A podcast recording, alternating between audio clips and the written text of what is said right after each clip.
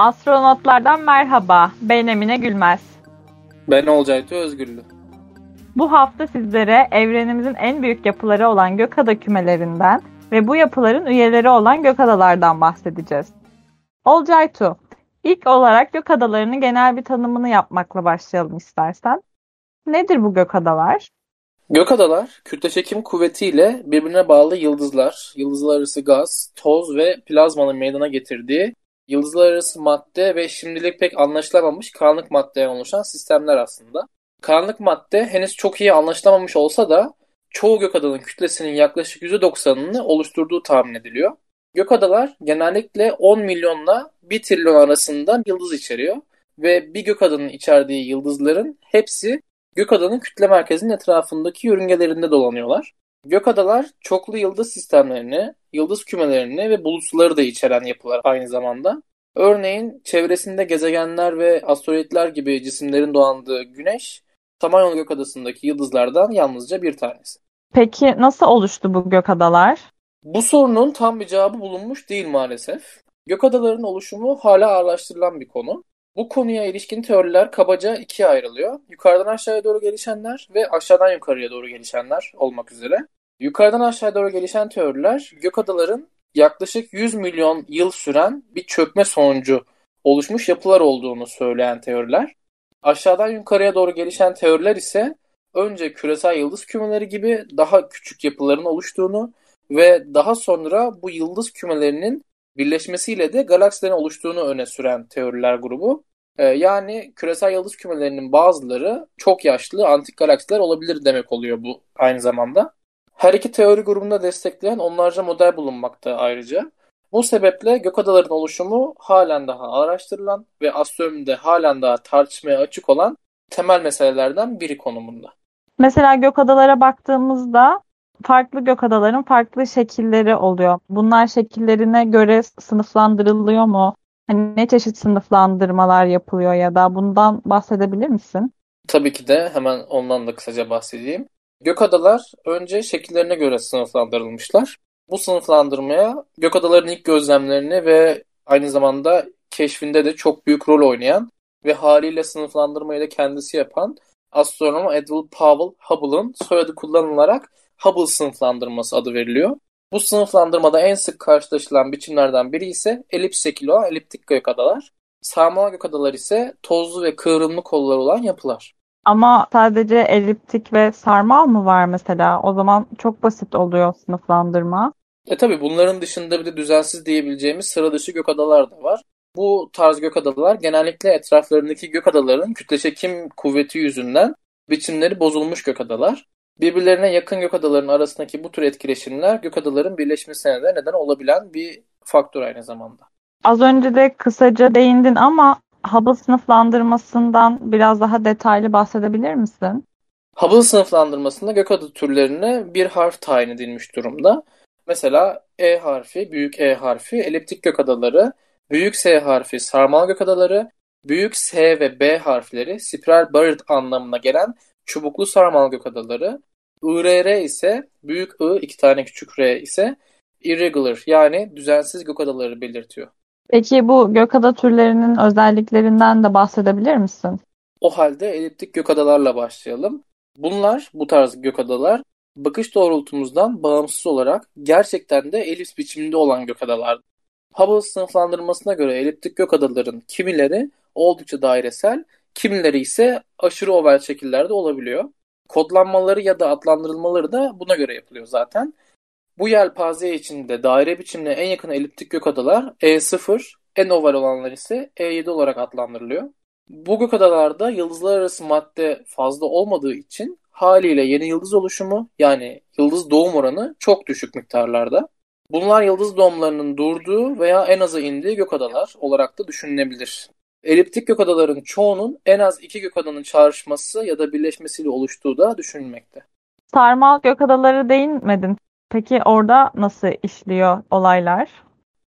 Evrendeki gökadaların çoğu sarmal gökadalardan oluşmakta aslında. Ee, sarmal gökadalar dönen bir yıldızlar diskinden, yıldızlar arası ortamdan ve genellikle daha yaşlı yıldızlardan meydana gelmiş bir şişkin bölgeden yani merkez bölgeden oluşan gökadalardır. Etrafı teker atlı yıldızlar topluluğu tarafından sarılı bir karın ya da çekirdek de diyebiliriz bu kısma. Çekirdek kısmından dışarı doğru nispeten parlak kollar uzanır. Hubble sınıflandırmasında sarmal gökadalar büyük S harfiyle kodlanmakta ve bu S harfinin yanına gökadanın bazı özelliklerini belirtmek üzere de küçük harfler eklenmekte. Küçük A, küçük B, küçük C gibi. Bu ek harfler kolların sıkılık ya da dallanmadaki dağınıklık derecesini ve merkezdeki çekirdek bölgesinin boyutunu bizlere göstermekte. Mesela bir örnek verecek olursak TA sınıfındaki gökadalarda çekirdek büyük, kollar ise belirsizce yayılmış durumda olurken SC sınıfındaysa çekirdek küçük ve açılmış kollarsa daha belirgin durumda oluyor. Kendi gökadamız olan Samanyolu'nun türüne örnek verecek olursak da Samanyolu SBB türünden bir gökada olduğu düşünülmekte. Yani çubuklu sarmal bir yapıda olup çekirdek ve kollar ortalama boyutlarda. Sarmal gökadalar atlarının yıldızların oluşturduğu parlak kollarına borçlular. Sarmal gökadalarda kollar merkezden dışa doğru logaritmik spiral biçimine yakın bir spirallik göstererek açılıyor. Bu kollardaki yıldızların tek yönlü dönüşüyle oluşan sapmalardan kaynaklanan bir çalkantının varlığını da bize gösteren bir belirteç aslında. Yani diğer bir deyişle yıldızlar gibi kollar da merkez çevresine dönmekle birlikte kollar sabit bir hızla dönüyorlar. Bu şu anlama geliyor aynı zamanda. Yıldızlar hareketleri sırasında bu kollara girip çıkarlar ve gökada merkezine yakın yıldızlar ile kollardaki yıldızların hızları aynı değil. Bu durumda düzensiz gökadalarda sağda solda kalan yıldızları mı toplamış oluyor yani? Bütün bu sınıfların dışında eliptik ve sarmal bir biçim altında sınıflandırılması mümkün olmayan bazı gökadalar bulunmaktadır ki biz bunlara düzensiz gökadalar diyoruz. Bunlar IRR1 ya da IRR2 olarak kodlanıyorlar. Bunlardan IRR1 olarak adlandırılanlar düşük düzeyde bir yapılanma gösterseler de bu sahip oldukları yapının biçimi biçimsel gökada sınıflarından herhangi birine uymuyor. IRR2 olarak adlanan gökadalarsa biçimsel gökada sınıflarını andıran hiçbir yapı izi göstermiyorlar. Düzensiz gökadaların geçmişte birer sarmal gökada oldukları fakat sonraları kütle çekimsel kuvvetlerin etkisiyle düzensiz hale geldikleri düşünülmekte. Düzensiz cüce gökadaları örnek verecek olursak komşu gökadalarımız olan Magellan bulutlarına bakmamız yeterli olacaktır. Tabii Magellan bulutlarını görmemiz için Güney Yarımküre'ye gitmemiz gerektiğini de hatırlatmakta yarar var. Gökadalar gerçekten çok ilginç, aynı zamanda büyüleyici yapılar ve evrenimizin karanlık sonsuzluğunda gerçekten de birer adaya benziyorlar. Gökyüzünde duran adalar, gökadalar ne kadar da romantik. Kaç tane var peki evrenimizde gökadalardan? Bir sayı belirtebilir miyiz? Verebildiğimiz sayılar tahminlerin ötesine geçemiyor maalesef. Çünkü evrenimizde tam olarak kaç tane gökada olduğunu bilemiyoruz. Bilemeyiz de. Gözlenebilir evrenimizde 100 milyardan fazla gökada olduğu sanılmakta ve gökadaların çoğu 1000 ile 100 bin parsek arasındaki bir yarıçapa sahip olup genellikle birbirlerinden milyonlarca parsek uzaklıklarda bulunuyorlar. Parsek bir uzunluk birimi sanırım. Bunu da biraz açıklayabilir misin? Tabii dediğin gibi parsek de tıpkı ışık yılı gibi bir uzunluk birimi. Bir parsek 3.26 ışık yılı uzaklığına eşit. Tabii bir ışık yılının da yaklaşık 9,5 trilyon kilometre uzunluğa denk geldiğini hatırlatmakta fayda var. Astronomik boyutlarda çoğu zaman kilometre çok küçük bir birim olarak kaldığından dolayı astronomlar genellikle ışık yılı ve parsek gibi astronomik uzunluk birimleri kullanıyorlar. Bir ışık yılı demek, ışığın bir yıl boyunca almış olduğu toplam yol miktarı demek ve bu da az önce bahsettiğim gibi yaklaşık 9,5 trilyon kilometreye denk gelmekte. Oldukça büyük birimlerden bahsettiğimiz çok belli. İyi ki parsek ve ışık yılı gibi büyük birimler kullanıyoruz. Yoksa kilometrelerle falan başımız derde girer yani. Peki benim aklıma bir soru daha geldi. Gök adalar evrenimizde bulunan ve bünyelerinde bütün gök cisimlerini barındıran yapılar dedik. O zaman gök adalar arasında uzayda hiçbir şey yok mu yani? Hayır, var tabii ki ama çok az. Galaksiler arası uzayın ortalama yoğunluğu metreküp başına bir atom bile düşmeyecek derecede az olan çoğunlukla atomik hidrojen ve biraz da helyum gazıyla dolu. Gökada içlerinde ise bu oran kat kat daha fazla elbette. Galaksiler arası boşluk tam anlamıyla bir boşluk diyebiliriz o zaman. Peki her bir gökada kendi kendisine mi takılıyor yoksa birkaç gökada bir araya gelip bir grup veya küme gibi bir şey oluşturuyor mu? Evet çok doğru bir yere parmak bastın. Gökadaların çoğu kütle çekim etkisi sayesinde birbirlerine bağlı gökada kümeleri adı verilen topluluklar oluştururlar. Onlar da yine kütle çekim etkisi sayesinde birbirlerine bağlı daha büyük yapılar olan süper kümeleri oluşturuyorlar. Bu daha büyük süper küme yapıları da evrende büyük boşlukları çevreleyen tabakalar ve ipliksi yapılar olarak oluşmuş yapılar. İpliksi yapılardan sonraki yayınlarımızda detaylıca bahsedeceğiz. Kendi gök adamız olan Samanyolu Gök Adası da herhangi bir kümeye ya da süper küme içerisinde mi? Yoksa biz yalnız mıyız? Elbette ki yalnız değiliz. Bizim gök adamız yerel kümenin önemli bir üyesi.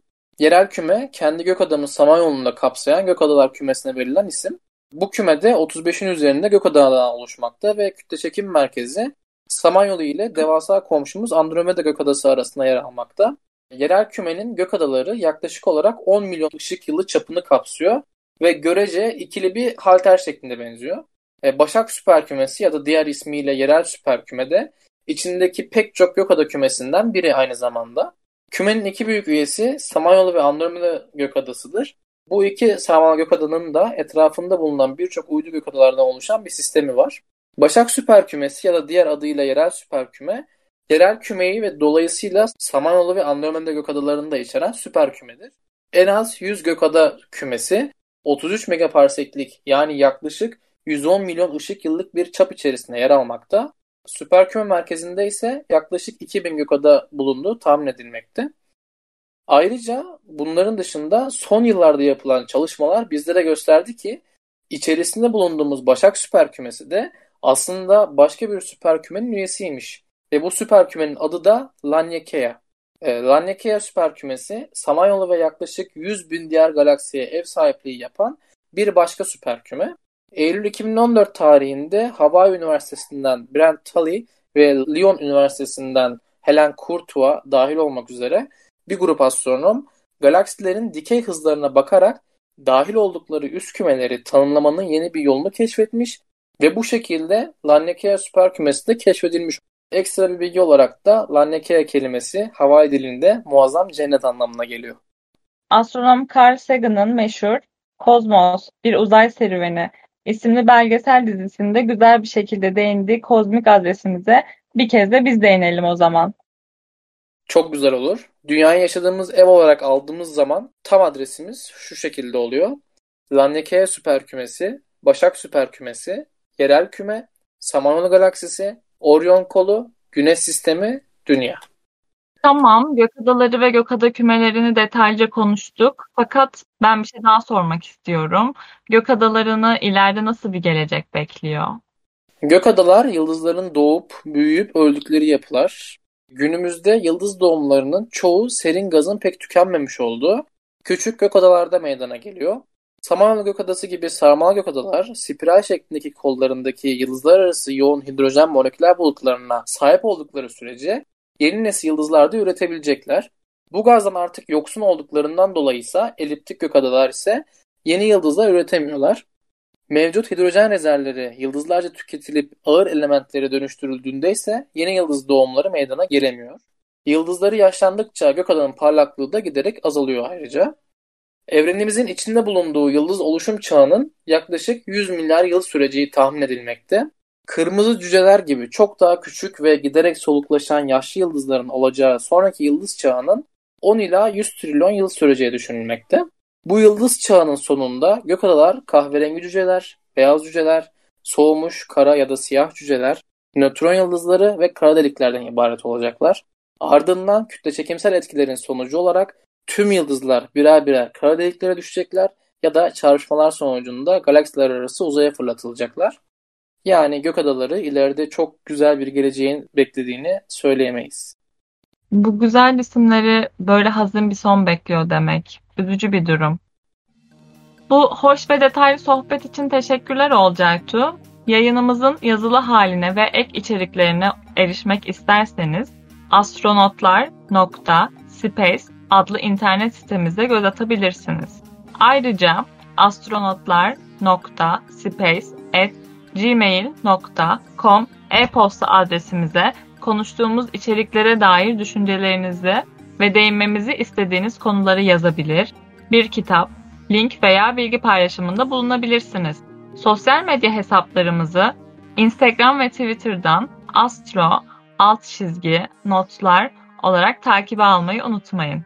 Facebook'tan vazgeçmem diyenler ise bizi astronotlar sayfasında bulabilirler.